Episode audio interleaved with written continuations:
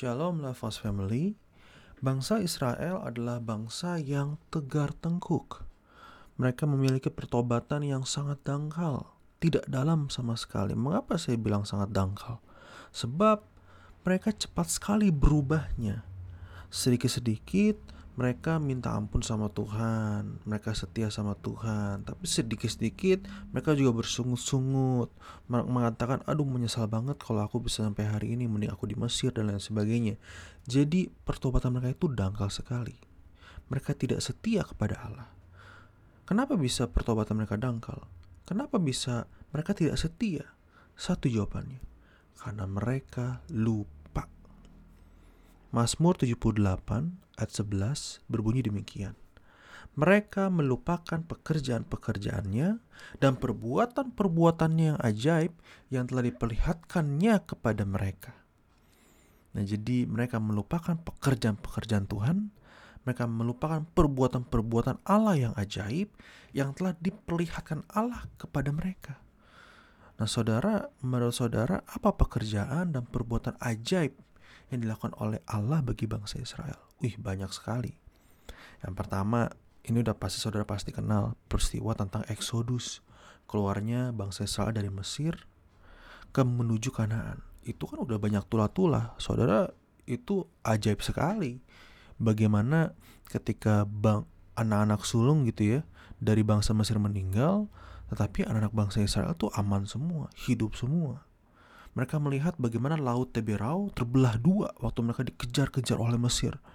Itu kurang ajaib apa? Dan dan tidak hanya itu saja, mereka juga melihat pekerjaan Tuhan waktu di padang gurun selama 40 tahun. Mereka melihat pemeliharaan Tuhan di situ. Ada ada tiang awan, tiang api untuk menuntun langkah mereka selama di padang Mesir, pad, sorry, padang gurun selama 40 tahun. Dan kalau saudara lihat baju mereka pun juga nggak apa-apa. Kalau dipikir-pikir ya, kan ini 40 tahun. Harusnya baju nggak muat dong, tapi kok bisa sih tetap pakai berpakaian dengan rapi? Wah ini kan ada mujizat juga ini. Ada sebuah perbuatan yang ajaib yang Tuhan kerjakan bagi mereka. Mungkin baju-bajunya itu menyesuaikan badan kali ya. Belum lagi ada mana yang dari sorga gitu ya. Wah ini banyak sekali perbuatan perbuatan yang Tuhan kerjakan bagi bangsa Israel.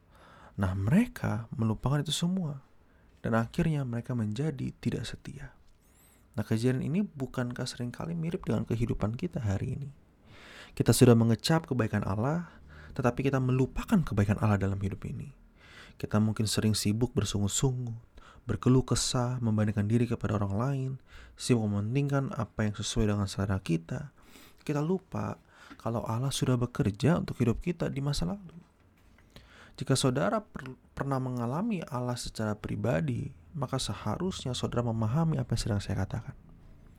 Akan tapi jika saudara mungkin belum pernah atau mengecap kebaikan Allah itu di masa lalu, saat ini saya mau katakan kepada saudara bahwa Yesus di masa lalu mati buat hidup saudara. Supaya saudara punya kesempatan untuk kembali kepada Bapa. Nah ingatlah kan peristiwa salib Kristus itu untuk saudara sehingga saudara bisa tetap mengingat kebaikan Allah, janjinya.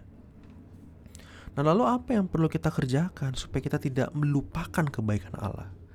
Supaya kita tidak melupakan janji Allah, supaya kita tidak seperti bangsa Israel yang tegar tengkuk yang melupakan perbuatan tangan Allah.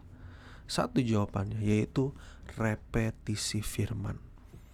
Ada kekuatan dalam repetisi. Repetisi itu adalah sebuah pengulangan.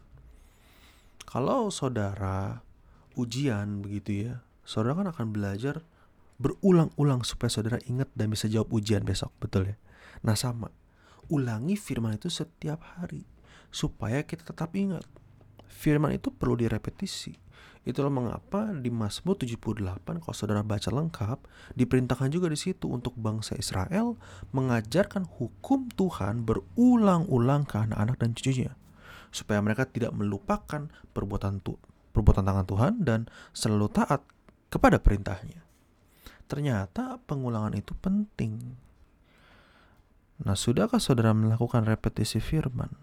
Sudahkah saudara melakukan pengulangan untuk membaca, merenungkan, mendengar firman Tuhan setiap hari? Jika belum, mari kita sama-sama melakukannya lebih giat lagi. Supaya kita tetap setia mengingat kebaikan dan perintah Tuhan. Tuhan Yesus menyertai kita semua. Amin.